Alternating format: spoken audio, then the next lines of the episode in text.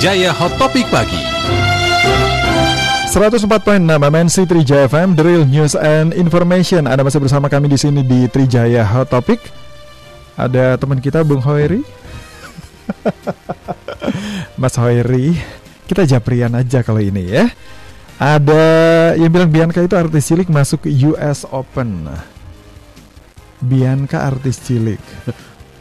Ada ya? Serius? Biar, Ayo? Bianca mana nih?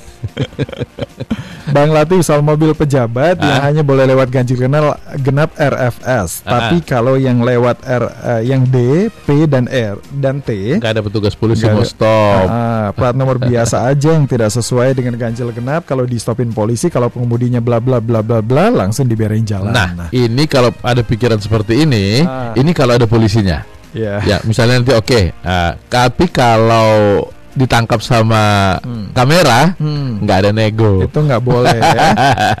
Hati-hati, tidak ada nego. Kalau yang masih kawasan manual, mungkin Ah, iya. Masih bisa nego. Kalau udah kawasan ada CCTV itle yang canggih itu, Ah. Udah nggak ada reason ya. Nanti di sana bilang, aduh saya kan ini saya ini, ah nggak tahu pak. Ah. Ini mesin sudah mencatat Mesin bapak. nggak bisa mengenali alasan macam masing-masing ya. Kemacetan dari Tomang arah ke Grogol disebabkan adanya galian PLN setelah pertigaan Tanjung Duren depan Ukrida yang menyebabkan jalan menyempit di dua lajur di sana. Oke, baiklah, Bung.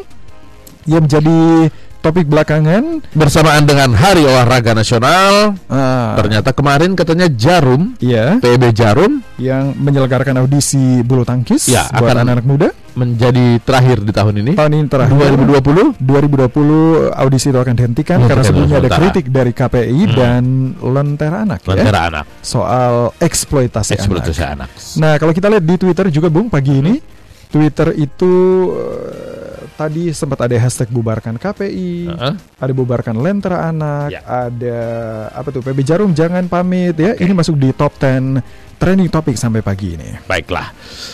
Bagaimana KPAI menanggapi kemudian seolah-olah ada Hmm. dalam tanda petik perlawanan dari publik kepada putusan yang mereka ambil? Yap. Sudah Sudah, ada. bergabung sama kami ada Komisioner Komisi Perlindungan Anak Indonesia KPI Siti Hikmawati. Bu Siti, Bu Siti, selamat, selamat pagi. pagi. Selamat pagi Mas Yudi, Bang Latif. Ya, Selamat Dodi pagi, dan Latif di sini. Apa kabar? Apa kabar, Bu? Alhamdulillah, alhamdulillah. Ya, Ya. Kita masih di Purwokerto ini. Acara apa, Bu? Me- mengawasi langsung audisi yang kemarin berlangsung? Iya, itu Hmm. antara lain. Oke. Eh, Ah. dan Sebetulnya apa sih poin eh, keberatan dari KPAI terhadap audisi yang dilakukan oleh PB Jarum tersebut? Ada dua poin yang menjadi keberat eh, apa titik eh, tekan yang dilakukan oleh KPI. Pertama terkait dengan poin eksploitasi. Mm-mm. Nah, kami melihat adanya eksploitasi terselubung yang dilakukan oleh PB Jarum dengan menjadikan anak-anak sebagai eh, apa namanya sebagai eh, papan promosi berjalan Mm-mm. terhadap produk mereka gitu. Nah, yang kedua adalah upaya denormalisasi produk rokok sebagai eh, produk yang tidak berbahaya. Padahal kita tahu rokok adalah termasuk kelompok zat adiktif yang memang harus eh, dijauhkan dari anak-anak. Selain dari pembatasannya yang harus dibatasi, eh, interaksi dengan mereka pun sebetulnya tidak dibolehkan di dalam undang-undang Mm. eh, PP 109 2012. Gitu. Oke. Itu dua titik tekan. Jadi ada undang-undang yang menjadi dasar daripada KPAI menyebut bahwa eh, perusahaan tersebut melakukan eksploitasi.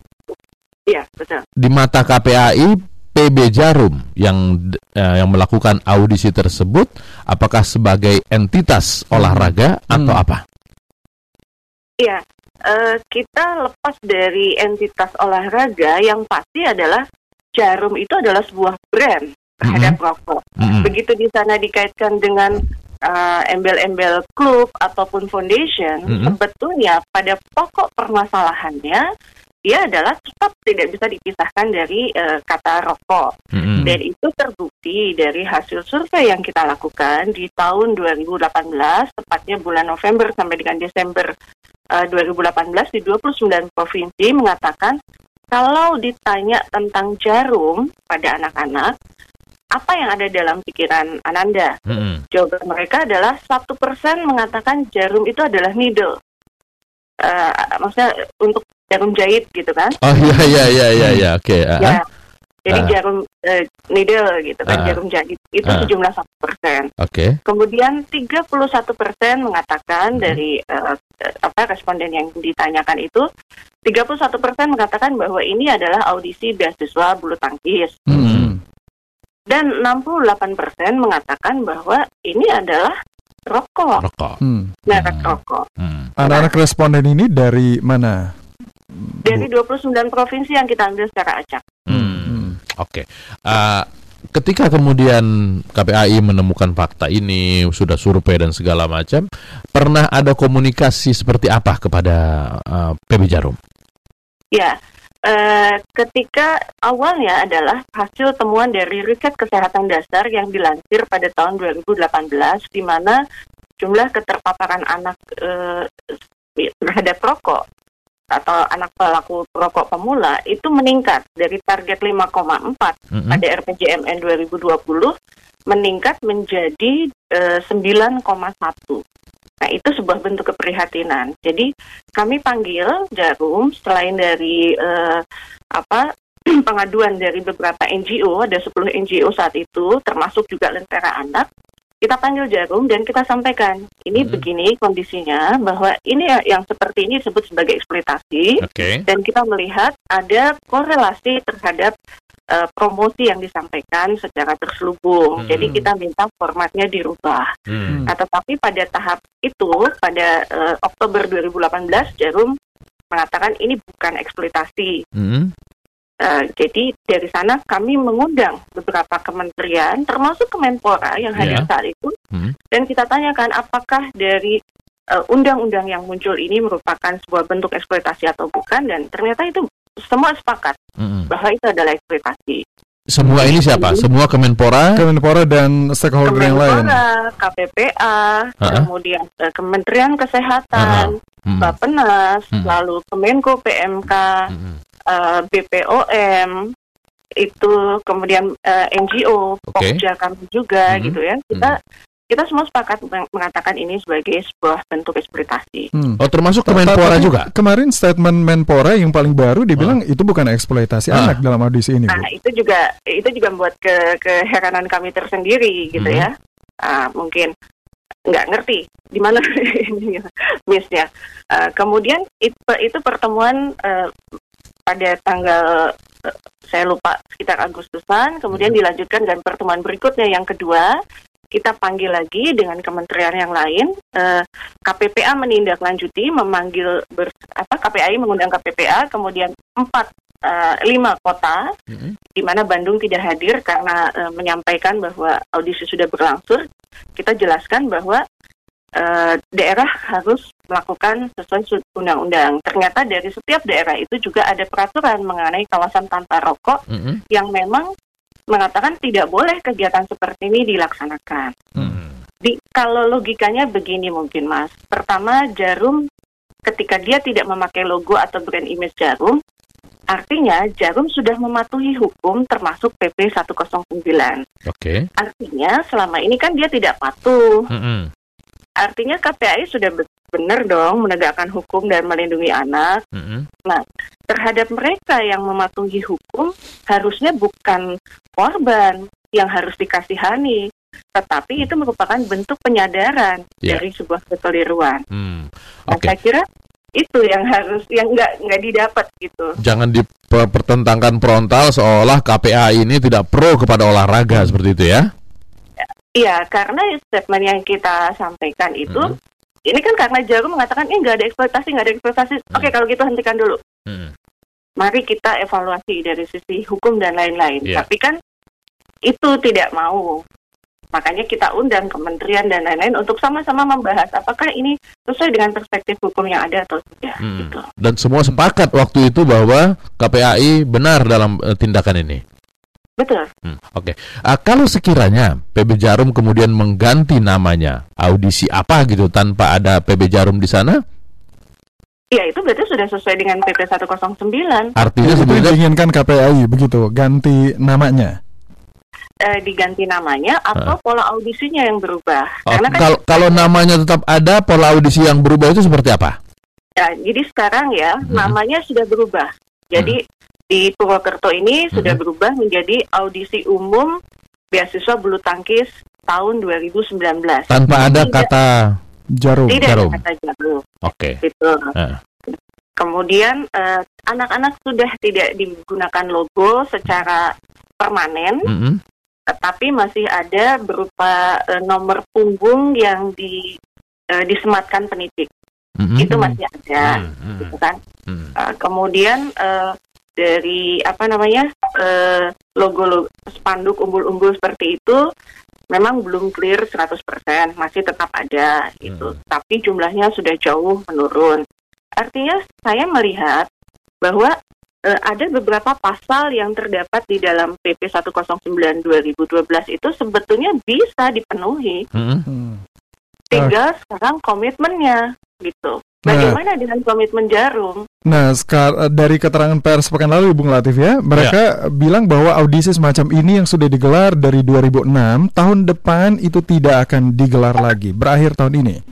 Ya, berarti mungkin mengambil bentuk audisi yang lainnya. Jadi jangan lupa, ini yang harus digarisbawahi adalah audisi ya. Hmm. Audisi adalah bentuk seleksi. Ya. Karena di dalam PP 109 eh, kegiatan-kegiatan yang disponsori oleh eh, apa eh, tembakau industri atau perusahaan rokok tidak boleh di, diliput secara eh, ini oleh eh, tidak boleh diliput oleh media. Mm-mm.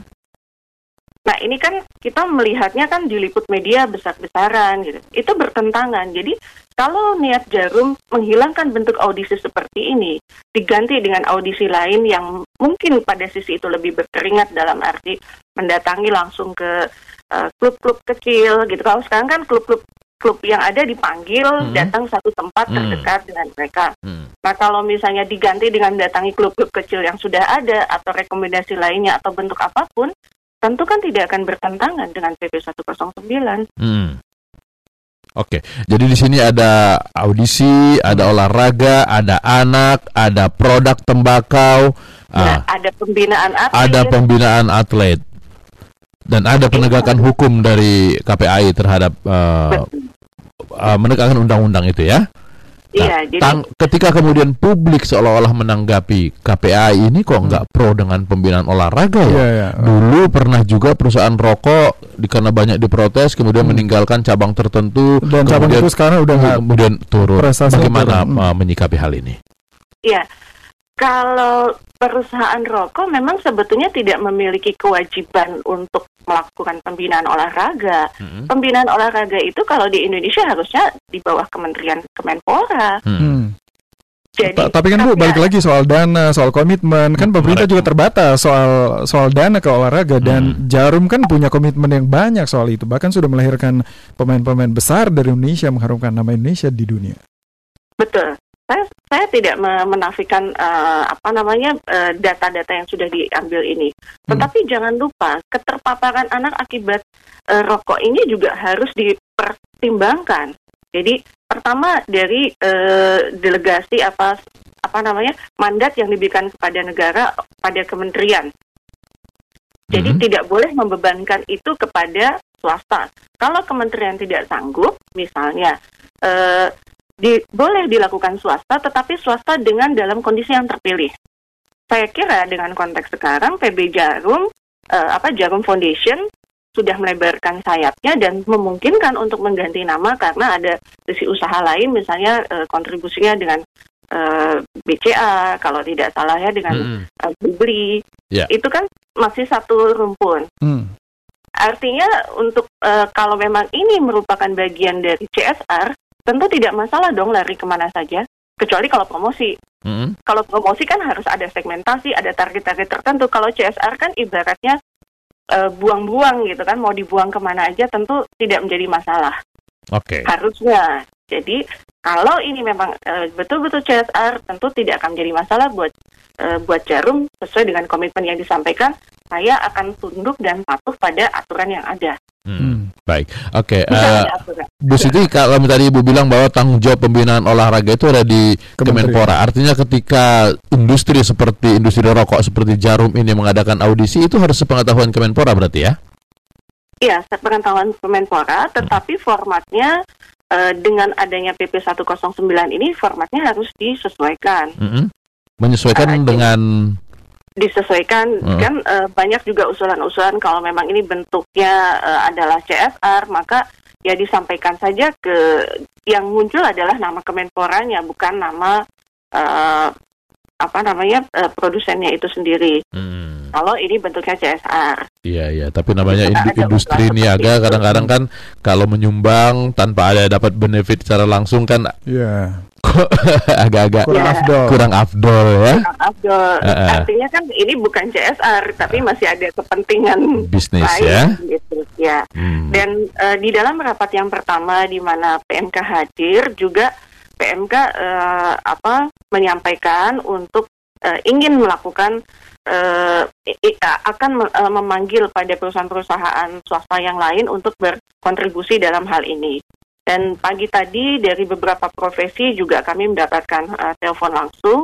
Eh, besok kembali ke Jakarta, mereka akan menyampaikan dukungannya untuk melakukan juga eh, apa perhatian pada pembinaan bulu eh, bulu tangkis di Indonesia ini. Hmm. Hmm.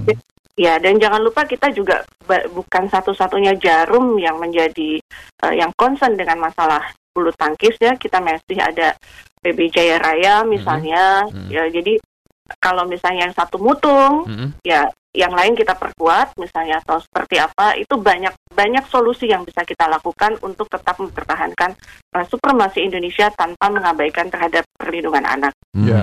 Tapi So- semoga kita harapannya begitu Ibu, Iya, ya. kita, Nggak- ber- kita berharap putus. tidak ada yang mutung. Ah. Bagaimana kemudian jalan keluarnya? Tapi KPAI juga tetap harus stick dalam penegakan oh, undang-undang ini. Ya. Bagaimana caranya? Ad- Ada uh, negosiasi atau dialog-dialog yang bisa dilakukan lagi supaya Jarum kemudian tidak muntung walaupun sudah mengumumkan kemarin akan menghentikan sementara? Ya, itu tadi kan eh, bentuk audisi ini akan dihentikan, tapi Mhm. audisi bentuk lain kan akan tetap dilaksanakan. Kalau dari hasil rapat yang eh, kemarin tanggal 4 September dilakukan di Kemenko Polhukam. Oh, Jarumnya tetap akan melaksanakan, tapi na- namanya nama audisi model ini yang dihilangkan. Yang di, yang di stop. Bahasanya seperti itu. Kami Hmm. tetap akan eh, melakukan bakti, tetapi Hmm. bentuk audisi seperti ini akan jadi audisi, audisi terakhir. Mhm, Ya kita mungkin akan mencoba eh, cara-cara lain. mhm. Nah, eh, kemudian kan sebetulnya di dalam pertemuan pada tanggal 4 itu ada tiga kesepakatan yang diambil. Pertama, bahwa Kemenpora diminta untuk melakukan sebuah eh, regulasi yang bisa mengakomodir terhadap eh, kepentingan swasta dalam berkontribusi bagi eh, apa bagi support terhadap dunia olahraga khususnya Mhm. dan eh, tidak bertentangan dengan KPAI. Yang kedua untuk teknis pelaksanaan yang akan dilaksanakan di Purwokerto sekarang ini diminta Jarum melakukan koordinasi, tapi sudah kita undang Jarum tidak hadir, bahkan eh, KPPA juga mengundang dua kali Jarum tidak hadir dan tidak mau menjelaskan ketidakhadirannya kenapa. Mhm. Eh, kami pun mendapatkan informasi bahwa Jarum tidak bisa menghadiri undangan KPAI karena eh, melalui apa? melalui stafnya Kemenko Polhukam. Jadi dari awal udah langsung ngambek gitu nggak mau ngomong gitu kan. Hmm, Iya, iya, iya, iya. Gitu. Jadi yang ketiga eh, adalah menjaga keamanan selama proses audisi ini akan berlangsung kepada Pemda itu amanat dari rapat di Kemenko Polhukam. Artinya bukan KPAI menutup tidak mau eh, mencari solusi. Kita Hmm. masih tetap mencari solusi, tapi kalau sudah lagi ngambek ya kita kasih waktu lah untuk berpikir dulu. Oke, oke. Iya, iya. Baiklah. Mungkin dia milih ngambek karena memang banyak pendukungnya juga. Kalau lihat kita di uh, Twitter, Hmm. dia banyak sekali dukungan kepada Jarum dalam Iya. hal ini ya. Karena sebetulnya kan ketika seseorang patuh pada hukum bukanlah menjadi posisinya sebagai korban. Hmm. Masa orang patuh hukum jadi korban? Ya, ya, ya. Iya. Jadi Itu dalam- yang, yang KPAI bukan korban dalam konteks ini ya, karena KPAI Bukan, berusaha bukan mematuhi KPAI. hukum ya. bukan KPAI. Yang mematuhi yang harus mematuhi hukum adalah jarum. Hmm. Jadi jarum itu bukan korban. Hmm. Jadi stop playing victim. Oke, Oke, oke. stop Baiklah. playing victim. Ibu Oke, terima kasih waktunya bersama kami. terima kasih.